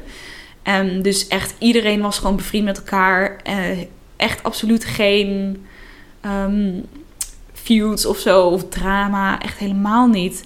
Dat is echt iets van recente jaren. Dat zeg maar echt... Ja, dat het gewoon heel erg veranderd is. Merk, Ehm, merk je het nu wel dan? ja, nu heb je echt van die mensen die diss tracks maken. En Ja, allemaal van die drama-kanalen die dan gaan roddelen over wat er dan... Die over die heeft gezegd, die over die... Het meeste gaat allemaal over mij heen, omdat ik inmiddels volgens mij al te oud ben. Ah. ik ben niet meer Ehm, relevant. Nee, en ik zit gewoon echt totaal niet... Ik zit nu in zo'n andere soort van YouTube-scene... Dat dat gewoon... Daar bevind ik me niet meer in, zeg maar. Nee, in wat ook wel fijn is, lijkt mij. ja, ik ben nu echt helemaal content met waar ik me bevind in het YouTube-landschap. Ja, want je Eh, begon eigenlijk een beetje met eh, beauty en fashion, volgens Ja. mij. Ja, 2013, 2014 was natuurlijk echt de golden age voor de YouTube-persoonlijkheid. En denk bijvoorbeeld ook aan de Sowella en weet je wat, zeg maar heel die Ja. clan in Amerika had je al... Weet je, dat was echt heel erg... Dat was ook denk ik wel de tijd dat ik het meest naar YouTube keek, Ja. inderdaad. Ja, en dat was toen echt... Dat ging echt heel erg om het persoon. En alles wat zij deden, maakte niet uit wat het was, was leuk dan, weet je wel. Dus ik maakte toen ook ja, video's over make-up, haar. Dingen waar ik eigenlijk niet zoveel van af weet. Maar wat ik gewoon maar een beetje aan het klungelen was. En dat liet zien. En mensen vonden het geweldig. Ik dacht, oké, top. Prima. Ehm, terwijl ik daar helemaal niet bijzonder goed of zo in was. Ik had helemaal niet heel veel talent daarvoor. Maar ja, ik was gewoon een van de weinigen die dat liet zien. En fans, mensen vonden het leuk. Vond je het ook niet raar dat, dat zoveel mensen naar jou keken, naar mij opkeken eigenlijk? Ja, oh, 100%. was heel raar. Ik was ook gewoon nog heel jong zelf. En dat er dan allemaal mensen, vooral jonge meiden, dan opeens heel erg naar mij gingen opkijken. En mij als voorbeeld namen voor dingen dat ik dacht... Hè, ik doe ook maar wat, zeg maar. Lijkt me ook heel, heel eng, want eh, dat, dan mag je blijkbaar ook geen fou- fouten meer maken. Nee. Want je bent opeens een soort rolmodel geworden. Klopt, en dat is waar ik in het begin ook wel een beetje struggelde. Ik was helemaal niet soort van heel rebels type. Ik was best wel een braaf meisje. En het was niet dat ik dacht van, oh, ik moet dingen niet laten zien of zo, omdat ik anders op me neergekeken word. Maar ik was er wel heel van bewust dat je wel... Dat was wel echt een tijd op YouTube waarvan je een soort van... Als je zeg maar iets verkeerd deed, mensen echt zeiden... Hoe durf je? Bent met een rolmodel, mensen kijken naar je op en zo. Ja. Ehm, dat ik me daar wel heel bewust van was van... oké, die fout moet ik niet maken, weet je wel. Als ik dat bijvoorbeeld bij andere YouTubers zag... dat ze dan eh, allemaal shit over zich heen kregen. Zijn er ook dingen die je expres buiten de camera hebt gehouden daardoor? Eh, ja, ik weet nog wel, toen ik nog studeerde... als ik dan bijvoorbeeld naar een feestje ging en we- weet ik veel... dan zou ik niet, als ik bijvoorbeeld al wat gedronken had... dat ik dan niet soort van dronken of aangeschoten zeg maar nog ging filmen of zo. Of dat, Ja. heel erg, dat waren dingen dat ik dacht... oh ja, dat wil ik niet op YouTube laten zien, weet je wel. Ja. Terwijl dat in principe het gemiddelde leven van een student is. Ja, dus je zou absoluut. dat moeten kunnen laten zien. Maar Ja, nee, maar dat was... Mensen volgden mij gewoon echt voor... Ja, toch een beetje het perfecte plaatje wil ik niet zeggen. Want ik wilde nooit heel erg... Ik wilde nooit soort van mijn publiek voorliegen of zo. Alsof ik een of ander perfect ubermens was. nee. Maar dat was wel... Je liet wel, denk ik, echt de... Het was wel een soort van de highlight reel van je leven. Een soort van de Instagram van... Ja, Ja. Dat, en het was best wel oppervlakkig ook, denk ik. Want dat waren vooral shoplogs en Ja. ehm, outfits. En ja, het waren nooit echt heel diepgaande dingen. En dat, Dat is nu wel veranderd, denk ik. dat is heel erg... Het YouTube-landschap is sowieso heel erg veranderd. Ehm, YouTube nu is ook gewoon... Dat, dat zeg maar één persoon of een persoonlijkheid op een voetstuk zetten. En alles wat zij doen is leuk. Dat is gewoon nu... Ja, dat, dat is niet echt meer een, een trend nu eigenlijk op YouTube. Het is nu heel erg... Gaat het meer om het concept. En weet je, echt sowieso... De kwaliteit is echt... keer honderd, zeg maar. Vroeger, als je gewoon een webcam in je kamer zette... en je begon met filmen, dan was prima. Maar Ja. nu verwachten mensen echt gewoon een soort van ja, eh, studioproductie op YouTube. Ehm, maar daardoor zie je gewoon dat eh, ja, echt series en ehm, dat soort dingen, dat is nu wat eh, mensen het, het meest willen zien. ja. En ja, gewoon, een, gewoon de persoonlijkheid, zeg maar, dat is nu ja, echt een heel, heeft een heel andere positie ingenomen. Ben jij door die trend ook andere content gaan maken? Of heeft dat niet echt effect gehad? Ik denk, nee, nee ik, Alsnog is het denk ik wel heel persoonlijk bij jou. Ja, ik, mm, ik bedoel, ik doe. Ik heb nu wel een heel ander soort- soort content. Maar ik denk dat het, het is een combinatie van hoe het YouTube-landschap veranderd is. Maar ook dat ik zelf ouder ben geworden. Ik ben Ja. zelf opgegroeid letterlijk op YouTube. En ik merkte op een gegeven moment dat ik gewoon niet meer de voldoening haalde uit het soort content wat ik maakte. Omdat ik gewoon merkte dat ik iets uitdraagde in de wereld waar ik zelf niet echt meer achter stond. En ik werd me op een gegeven moment gewoon heel bewust eigenlijk van het platform wat ik had en de stem die ik kon gebruiken. En dat ik die niet inzette voor iets wat ik nou echt bijzonder ja, van toegevoegde waarde vond, laat ik het zo zeggen. Het was Ja. allemaal gewoon, ja, kijk, dit heb ik gekocht. Of ehm, Oppervlakkig. dit, ja, precies. En ja, dat vond ik gewoon zelf sowieso ook niet echt meer leuk om te kijken. En om te maken, ja, eigenlijk al helemaal niet meer. Want voor de mensen die jouw kanaal niet volgen, wat voor soort video's maak je nu? Nou ja, mijn video's zijn nu ja, echt meer, ehm, ik wil niet zeggen activistisch, maar er zit wel een ondertoon in van eh, ja, dat ik op mijn manier laat zien hoe ik eigenlijk mijn steentje bijdraag om de wereld op verschillende manieren hopelijk een klein beetje beter te maken. Ja. Eh, nou ja, als in, ik ben eh, twee jaar geleden van fast fashion afgestapt. Dat was eigenlijk mijn eerste soort van grote stap in, in mijn persoonlijke leven. Ik wilde dat, dat deed ik oprecht niet omdat ik dacht, oh, dat is handig voor YouTube. Ja, is eigenlijk het tegenovergestelde. Maar persoonlijk voelde ik daar gewoon een heel erg ehm, drang om eh, die verandering te maken. Omdat ik, maar, pardon, bewust was van wat voor groot ge- groot gebruiker ik daarvoor was. En wat Ja. een invloed ik heb gehad op andere mensen om hetzelfde gedrag te vertonen. Om maar te blijven consumeren. En weet je, elke, elk seizoen een nieuwe garderobe zo wat aan te schaffen. En dan eigenlijk mijn publiek soort van aan te sporen om hetzelfde te doen. Ja. Als ik er nu over nadenk, is het zo krom. Ja. Ehm, maar dat was eigenlijk een soort realisatie wat ik had. En toen heb ik dat, nou ja, die persoonlijk die omslag gemaakt. En besloten om dat te delen op YouTube. Omdat ik dacht, dit is voor mij ook heel nieuw. Echt een soort van ontdekking. Waarom deel ik dat niet? Want er zullen vast mensen zijn die zich in hetzelfde schuitje bevinden. Ehm, en ja, dan kan ik het net zo goed... ehm, mijn soort van ervaring delen met de wereld. Had, dat ook, was, eh, had dat ook effect op je inkomsten? ja, nou, dat wilde ik dus inderdaad net gaan zeggen. Ik was er wel erg van bewust dat het een invloed zou gaan hebben op mijn commerciële. Ja, want met Eh, bepaalde merken kan je dan niet meer samenwerken. Nee, absoluut. Ja. Ik heb toen heel veel merken ook meteen laten weten van oké, ik heb dit en dit besloten. Dus voor nu zie ik geen samenwerking meer zitten.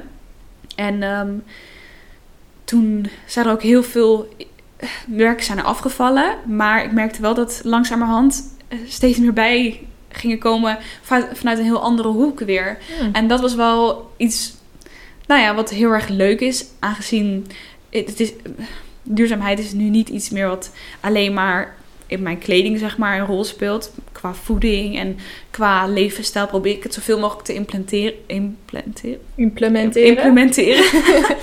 Daar klopt iets niet.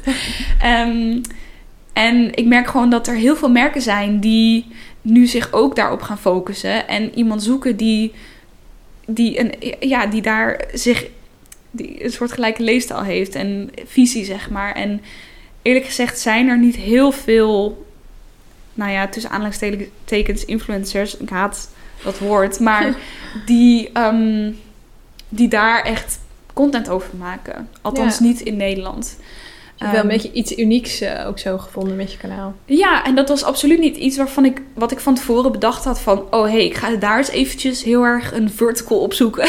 Ja. Zoals we in vaktermen zeggen. Maar uiteindelijk heeft het wel zo uitgespeeld dat, eh, ja, dat ik daardoor wel een sowieso heel ander publiek ook heb kunnen aantrekken. Ja, dat vroeg ik me Ehm, ook af, ja. Ja, en, en, en dus ook nieuwe ehm, ja, klanten, zeg maar. Nieuwe eh sponsordeals en samenwerkingen. ja. Ehm, en dat is gewoon heel erg leuk. En ben je dan ook nog heel erg bezig met van... oké, ik ga nu die omslag maken... en er zullen ook heel veel mensen zijn die mij volgen... vanwege wat ik eerst deed. Dus dat kan ook weer effect hebben op mijn hoeveelheid views... op mijn hoeveelheid abonnees. Oh, absoluut. Absoluut. Die video's... Ik ben daar ook echt wel op, veel volgers op kwijtgeraakt. Sowieso is mijn publiek zo veranderd. Want door de jaren heen...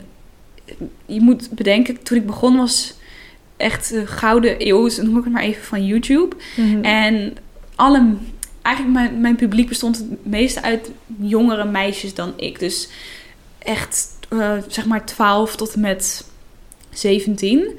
Dat was mijn grootste doelgroep. Ehm, maar die zijn met mij meegegroeid. ja. En als jij op een gegeven moment in je ja, twintiger jaren komt... Ja, dan vind je YouTube misschien nog wel leuk, maar echt niet meer zo leuk als dat je het eerst vond. nee. En toen ik zeg maar die leeftijd was, was ik ook super fan van alles en iedereen, super fanatiek. En, maar ja, op een gegeven moment verandert gewoon, je krijgt zeg maar leven ernaast. En ja, dan ga je niet meer al je tijd in YouTube stoppen. Dus ik merkte gewoon dat mijn kijkersaantallen gewoon aan het dalen waren en minder ehm, mensen, weet je, ik kreeg minder haters, dat was wel een ding. Dat is een Ehm, voordeel. Maar ja, dat gewoon het kijkersgedrag ehm, aan het veranderen was. En eerst dacht ik, "Oh, wat doe ik verkeerd? Oh my god, nee. Dit gaat helemaal de verkeerde kant op. Maar naarmate ja, ik doorging, zeg maar, besefte ik van... Dit is eigenlijk gewoon wel een... Ik snap zeg maar wel waar deze verandering vandaan komt. Want ik, ben zelf, ik verander zelf ook. En ehm, ja, het is ook wel logisch dat eigenlijk mijn publiek daarmee ook verandert. Mhm. En, ehm, en voor mij was het ook wel een ding, omdat ik gewoon niet echt meer heel veel voldoening dus haalde uit de content die ik maakte. Dat ik voor mezelf wel een afweging had gemaakt van oké, ik kan nu content blijven maken waar ik zelf misschien niet helemaal achter sta, maar van ik bijvoorbeeld wel weet dat het Gaat makkelijk scoren. is. Ja. Ja. Of ik kan content maken die misschien iets meer niche is, om het zo maar te zeggen, of een minder groot publiek aanspreekt, maar waar ik zelf helemaal achter sta waar ik, en waar ik zelf voldoening nog uithaal. Want Ja. ik doe het ook, ja, ik doe het letterlijk al bijna tien jaar en ik, je moet zeg maar het voor jezelf ook wel interessant houden en dat je er nog steeds happy mee bent. ja. Ehm, en toen heb ik, nou ja, dus voor het laatste gekozen. En ehm, ja, nu ben ik gewoon helemaal content met de following die ik heb. Is ook zo, ja, heel erg like-minded, zeg maar. En hebben gewoon echt een leuke community. Dus ook al zijn er veel minder dan eerst, de mensen die er nog zijn, of er, en erbij zijn gekomen omdat ze hè, me kennen van juist van eh, duurzame kleding en whatever. Ehm, ja, dat we gewoon echt een heel leuke en hechte community hebben. En daar hecht ik dan meer waarde aan dan dat ik nu nog iets zou maken waarvan ik misschien meer volgers zou hebben gehad. ja. Of meer kijkers. Maar dat ik mijn hart er niet meer in zat. Nee, op de lange termijn heb je hier natuurlijk ook wel eh, een stuk meer aan. Ja. Wat goed. Oké, ik heb nog twee vragen om eventjes eh, terug te blikken op eh, de afgelopen zes jaar als twintiger zijn. Hè? Ja. Ehm, wat zijn de grootste twijfels of onzekerheden, of laten we er één of twee pakken, van de afgelopen zes jaar voor jou geweest? Of ik wel goed genoeg ben, was, is echt mijn grootste eh, ja, struggle. Een soort van twijfel geweest bij mezelf. Ik altijd het gevoel dat ik niet, goed dat ik niet genoeg aan het doen was. Op YouTube-gebied of überhaupt gewoon? überhaupt. alles? Ik heb me altijd een soort. Ik heb een beetje. Altijd een beetje imposter syndroom gehad. Ehm, toen ik op een gegeven moment dus een beetje succes begon te krijgen met YouTube, dat ik dacht van. Maar dit, waarom. Waarom is mensen die kennen mij helemaal niet? Dit is. Ze gaan erachter komen dat ik eigenlijk helemaal niet, weet ik veel, eh, interessant genoeg ben of weet ik veel wat. En de merken met wie ik samenwerk, die zullen er vanzelf achter komen dat ik helemaal geen zaakvrouw ben. En ik- dat ik zeg maar altijd dat ik mezelf bijvoorbeeld ook nooit genoeg content wil maken of genoeg ehm, ik weet niet nieuwe dingen aan het bedenken was ja dat is denk ik maakt niet uit waar ik me bevond in mijn leven dat was altijd iets waarvan ik aan mezelf twijfelde of dat ik bijvoorbeeld het ook gewoon persoonlijk als ik bijvoorbeeld dan de gordijnen open deed ochtends en dan zag dat bijvoorbeeld overburen al lang en breed aan de ontbijttafel zaten of zo. En al met een dag begonnen waren. dacht, ik ben niet vroeg genoeg opgestaan. Zie je, er al die Ja. mensen zijn die eerder zijn. Dat ik denk, wat, is het nou herkenbaar. eigenlijk? Dit is zo random. ja. Ehm, ja, dus dat eigenlijk. Dat ik gewoon altijd aan mezelf twijfel en me vergelijk met anderen. En dan mezelf nooit goed genoeg vind, zeg maar. Ja, nou, ik denk dat dat is, is waar iedereen, eh, zeker twintigers, vooral mee dealen. Ja. Ze zeggen wel dat, dat, dat die gevoelens gaan afnemen hoe ouder je wordt. Ik moet ook zeggen dat ik ook wel merk dat je steeds zelfverzekerd wordt. Als je nu kijkt naar je Ja. 16-jarige zelf, dan had je dat misschien nog veel meer dan Ja, nu. ik merk nu ook wel dat ik die dat, dat wordt wel minder gelukkig. Omdat je op een gegeven moment gewoon. Ik denk dat het ook heel erg ligt. Op een gegeven moment weet je gewoon beter waar jij voor staat, wat jij belangrijk vindt in het leven. Ja. En dan kan je gewoon meer. Ik ben nu meer het peace, zeg maar, met wat ik doe en wie ik wil zijn als persoon. Wat ik zelf gewoon beter weet Ja, waar ik voor wil staan en, en, ja, hoe ik daar wil komen, zeg maar. Dus ja. dat is al, ja, gelukkig. denk wat. en eh, ook een vraag, wat is je grootste mijlpaal, mijlpalen van de afgelopen zes jaar? Als je terugkijkt, je denkt, nou dat sprong er echt uit voor mij. Eh, Ik denk dat ik ehm, mijn stationery collectie, denk ik, die ik met het Kruidvat heb uitgebracht. ehm, dat hebben we mm, vier jaar lang gedaan of zo. Uiteindelijk iets van zes collecties gedaan. Echt veel. Ja, dat was echt een droom voor mij die uitkwam. Ja. En ik ben ook echt heel blij dat ik dat heb kunnen doen. En dat het een succes was. Ik vond die ook mega leuk. Ik Oh, ben, dat- ik ben die ook gaan kopen toen. Oh, wat leuk. Ja. Oh, echt zo tof. ja. Ja, dat was echt een droom, wat ik zeg, die uitkwam om het te kunnen maken. En dat het daadwerkelijk in de winkel lag en dat mensen het kochten. Ja. Dat mensen hun geld uitgaven aan iets wat ik gemaakt Ben je ook had. zo gaan kijken in een kruidvat? Ja, van een hoekje 100% van hoe altijd. Ik was dan al een week van tevoren in de kruidvat. Hebben jullie het al? Hebben jullie het al? Grappig. en ja, dat was echt heel onwerkelijk. En ja, echt, ehm, daar ben ik heel ja, blij om. En ook wel trots dat dat gelukt was. Ja, Ja. snap ik. Oké, ehm, tot slot, als jij terugkijkt naar jouw 19 slash 20-jarige zelf, net beginnend aan je 20 jaren, wat, wat voor advies zou je dan aan jezelf geven? mm, ik denk, maak je geen zorgen dat je nog niet je hele leven al op orde hoeft te hebben en alles al moet weten. Het is oké dat je zeg maar nog niet alles helemaal voor je ziet en precies weet wie je bent en wat je wil gaan doen met je leven. Want er is nog zoveel tijd om dat uit te vogelen. En dat is niet iets waar je je nu al zorgen over hoeft te maken. Ja, ja vind ik een hele goeie. Ik had het uh, niet weten kunnen zeggen, denk ik.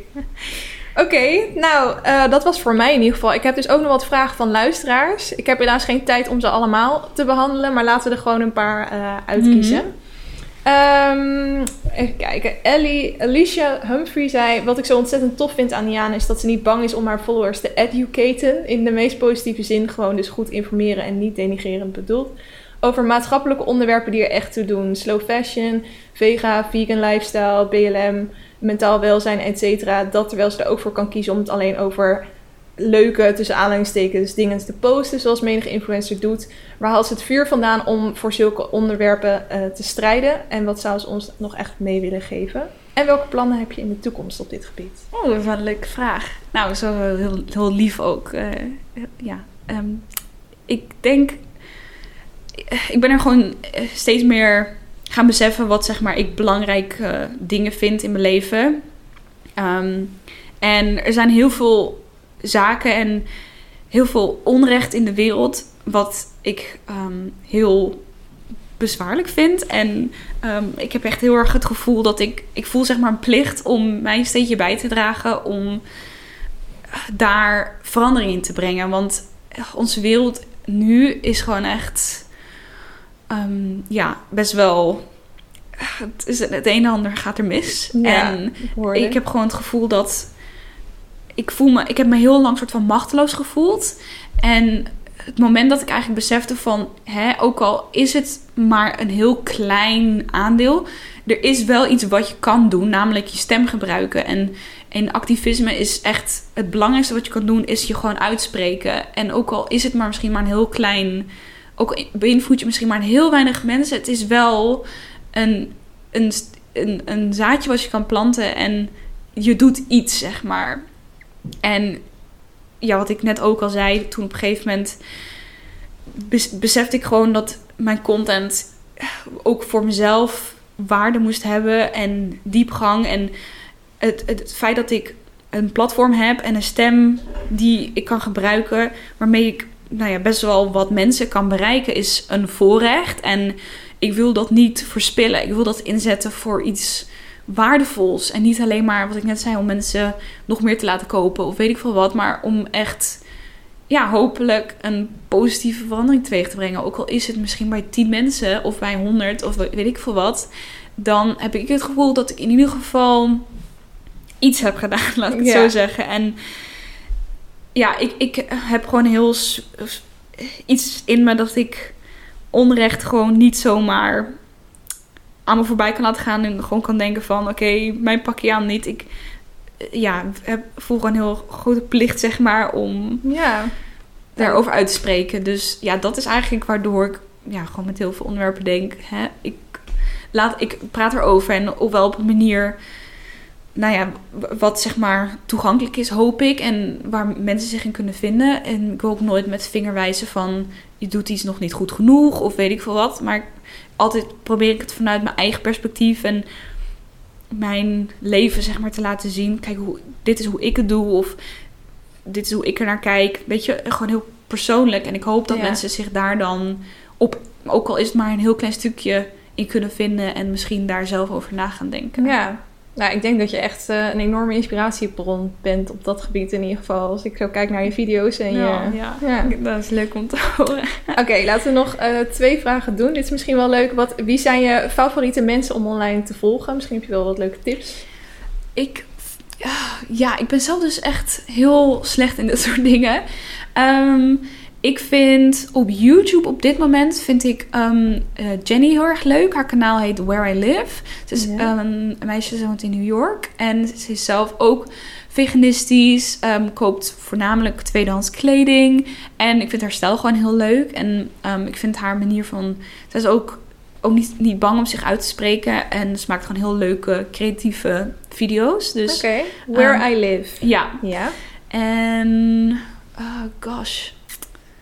Wie vind ik nog meer leuk om online te volgen? Dit is altijd zo die momenten dat mijn, mijn hoofd gewoon echt blank gaat. In je hoofd door je tijdlijn scrollen Ja. of op je YouTube. eh, Nou, dan denk ik With Wendy. Ik gaf haar jou net ook als tip. Zij Ja. is um, Canadese YouTuber. En ehm, zij maakt video's over hoe je zelf kleding maakt. Maar echt, zij heeft zichzelf helemaal aangeleerd. Maar ze is echt amazing in hoe ze het doet. En eh, ja, haar video's zitten ook altijd heel leuk in elkaar. En heel erg on trend ook. Ehm, dus dat. Oh, en de Story Girls vind ik ook echt heel erg leuk. En De Sorry Girls. ja, zij zijn ook Canadees. En zij doen ehm, DIY's en interieurvideo's. Maar ook heel erg ehm, met een... Ja, echt... Zij zijn echt twee power vrouwen, zeg maar. Die alles zelf in elkaar kunnen zetten. En heb ik wel eens video's van hun gezien. ja, ik vind hun Tof. ook echt heel erg tof. En zij zijn ook grote inspiratie geweest voor de ehm, studenten makeover, kamer makeover serie die ik onlangs gedaan heb. Ehm, Ja, Ook leuk. dus ja, het zijn ook wel echt eh, inspiratie. Cool. Oké, de laatste vraag. Eh, ik vind het zo inspirerend dat je altijd zo vrolijk bent en geniet van de kleine dingen. Hoe krijg je dit voor elkaar en hoe hou je het ook vast op mindere dagen? Want een andere vraag was ook, hoe vind je rust in deze onrustige tijd? Misschien heb je nog een, een, een tip voor, nou ja, we moeten nu weer allemaal thuis gaan zitten. En ik merk toch wel in mijn omgeving dat dat best wel deprimerend kan zijn Ja. voor mensen. Hoe vind je dan toch de positiviteit in elke dag? Oh, wow, goede vraag. Ehm, weet ik eerlijk gezegd niet. Ik ben best wel een introvert persoon en in- ik leef best wel soort, ja, in mijn eigen wereldje. Kan ik gewoon heel content zijn met zeg maar wat ik het dichtst om mij heen heb. Ehm, mijn, mijn, mijn thuis, zeg maar. En mijn huisdieren en mijn vriend. En ik weet niet, dat zijn. Ik weet niet eerlijk gezegd waarom ik zeg maar. Hoe, ja, ik heb niet echt tips van hoe je. Weer kan genieten van die dingen. Nee, maar dat zijn gewoon dingen die me opvallen. Ik ben bijvoorbeeld echt een herfstmens en nu. Ja, ik weet dat we nu weer in lockdown gaan en daar baal ik ook wel van. Omdat ik denk, oké, ik vind het ook wel leuk om uit eten te gaan en om meer vrienden te kunnen zien. Dus dat, dat vind ik ook echt wel heel jammer. Maar het is ook dat ik denk, oké, nou ja, dan ga ik iets meer thuis zitten en met een dekentje op de bank zitten. En met een kaarsje aan, een kopje thee en een boek. Ehm, dus ja, ik weet niet. Het is denk ik gewoon... Misschien bewustzijn van, eh, van wat je... Ik heb het idee dat jij wel heel bewust leeft en, en die kleine dingen... Kijk, je kan natuurlijk ook... Misschien zijn wel heel veel mensen die gewoon altijd de deur uitrennen... en die niet eens opmerken dat je leuke huisdieren hebt... of een leuke vriend of een... eh, ja, dat, Ja, ik weet niet. Misschien is dat ook gewoon. Ik weet niet of dat. Ik heb. Ik, niet dat ik mediteer of zo. Of zeg maar echt een gouden tip heb van dit, dit is hoe ik het geflikt heb. Maar misschien dat dat gewoon iets persoonlijks is. Maar eh, ja, ik ben wel bewust altijd van ja, de dingen die ik om me heen heb. En hoe, ja, de, eigenlijk de privileges die ik heb. En nou ja, daarmee probeer ik het beste van te maken. En tips voor Loktober. Oktober! Wow, Is- dat woord heb ik nog niet gehoord. Ja, nou, ik ben dus ehm, net begonnen met piano spelen. Of tenminste, ik heb eh, als vijf, zeg maar als tiener, heb ik ehm, best lang eh, pianoles gehad. En toen heel lang niet meer gespeeld. En nu, sinds kort, heb ik dus een piano gekocht aan het begin van, zeg maar, lockdown in maart. Ja. dacht ik, oké, dit is het goede moment om het te doen. Nieuwe hobby. Ja. Let's go. En ehm, ik zit er nu al over na te denken om mezelf te leren breien. Ik dacht, het is misschien ook Ja. wel leuk om de herfst en de winter door te Ja. brengen. Dus toen misschien maar gewoon... eh, Dan hè. maak je ook gelijk iets wat je zelf kan dragen als dat is. Ja, precies. Dus eh, op die manier, ik vind het heel leuk om mezelf nu weer nieuwe dingen aan te leren. Want Ja. ik merk toch als kind en als tiener leer je zoveel dingen de hele tijd. ja. En op een gegeven moment dan ga je studeren en dan ga je werken en dan leef je je leven gewoon zo. Nou, hè, alles gaat zijn gangetje. ja. En ik merkte dat ik echt behoefte had om mezelf weer iets nieuws te leren. En dat is echt heel erg leuk. Om gewoon jezelf zeg maar weer uit te dagen. En ook als volwassene mag je jezelf nog steeds nieuwe dingen bijleren. Je bent nooit uit om te leren. Nee, precies. Dus Goeie tip. ik doe zelf ook een, een maandelijks een challenge. Of dan vertel ik aan mijn luisteraars dat ik die challenge ga doen om mezelf er een beetje aan te houden. Ik heb ook heel lang gitaar gespeeld en daarna de hele tijd niet meer. En nu hing die eigenlijk al heel lang in dit huis aan de muur boven en gebruikte ik hem niet. Dus nu heb ik hem daar zo in de woonkamer gezet. En probeer ik dus elke dag nu weer te spelen Oh, inderdaad. om ook als, eh, nou ja, daar sta ik helemaal achter. Dat je gewoon altijd Ja. nieuwe dingen moet blijven leren of oude hobby's oppakken. En als Ja. er een moment is om een hobby op te pakken, dan is het nu wel. Weet je wat? Echt de death of the hobby. Dit is gewoon echt Ja. de 21ste eeuw. Mensen hebben geen hobby's meer. Maar een hobby hebben is zo leuk. Ja, gewoon ik strijd gewoon echt zonder- helemaal weer voor over. Dat mensen gewoon... Dat je het weer tijd moet maken om een hobby te hebben. Nou, misschien moet het een leuk. serie worden op je kanaal. Ja. How to have a hobby. Ja. Oké, nou, ehm, tot slot. Ik, ik vond het echt super leuk dat je te gast wilde zijn. Ik vond het ook een heel leuk gesprek. Ja, ik Het is ook. ook een lekker lange aflevering eh, geworden. Maar ik vond het gewoon zo leuk dat ik dacht... Nou, mensen gaan het... Als ik het leuk vind om dit gesprek te hebben... dan vinden mensen het waarschijnlijk ook leuk om te Ik luisteren. hoop het maar. Ik kan nogal lang van stof zijn. dat is helemaal niet erg. Eh, heb jij misschien nog een, een tip voor een eventuele volgende gast? Van wie, van wie denk je nou dat dat zou echt leuk iemand zijn om te gast te hebben in eh, onze Ehm, podcast? Nou, ik denk... Oeh. Oh, hier had ik even over na moeten denken. Ehm, misschien... ehm, ik ken een meisje, Jawaria heet ze. En zij was laatst eh, voor de Glamour, geloof ik. Was zij covermodel samen met twee andere ehm, bekende online gezichten. Eh, ze is model en ehm, ze is volgens mij eh, ook van onze leeftijd. Eh, ze is ook al moeder, maar ze is echt heel ook activistisch op haar ehm, Instagram. En ze is bloedmooi. Maar ik, ik denk dat zij ook wel echt een heel interessant verhaal heeft om te vertellen. En ehm, ik heb haar persoonlijk echt één of twee keer ontmoet. Maar ik heb echt het gevoel dat, ja, dat eh, zij wel echt toffe ervaring heeft ook om te delen. Dus Cool. een curveball, maar ja, wie weet. Ik Nou, weet, ik weet nog niet of zij, dat, of zij dat iets zou vinden, maar hè? Ja. Ja, wie weet. Als het eh, zover is, dan kan ik misschien dat clipje weer in die video, Ja. in die podcast Ja. gebruiken. Ja, oké, tof. Nou ja, nogmaals eh, bedankt dat je er was. En ehm, Heel graag gedaan. eh, luisteraars, ik hoop dat jullie het een leuke aflevering vinden, vonden. En tot volgende week. Doei doei! Doei!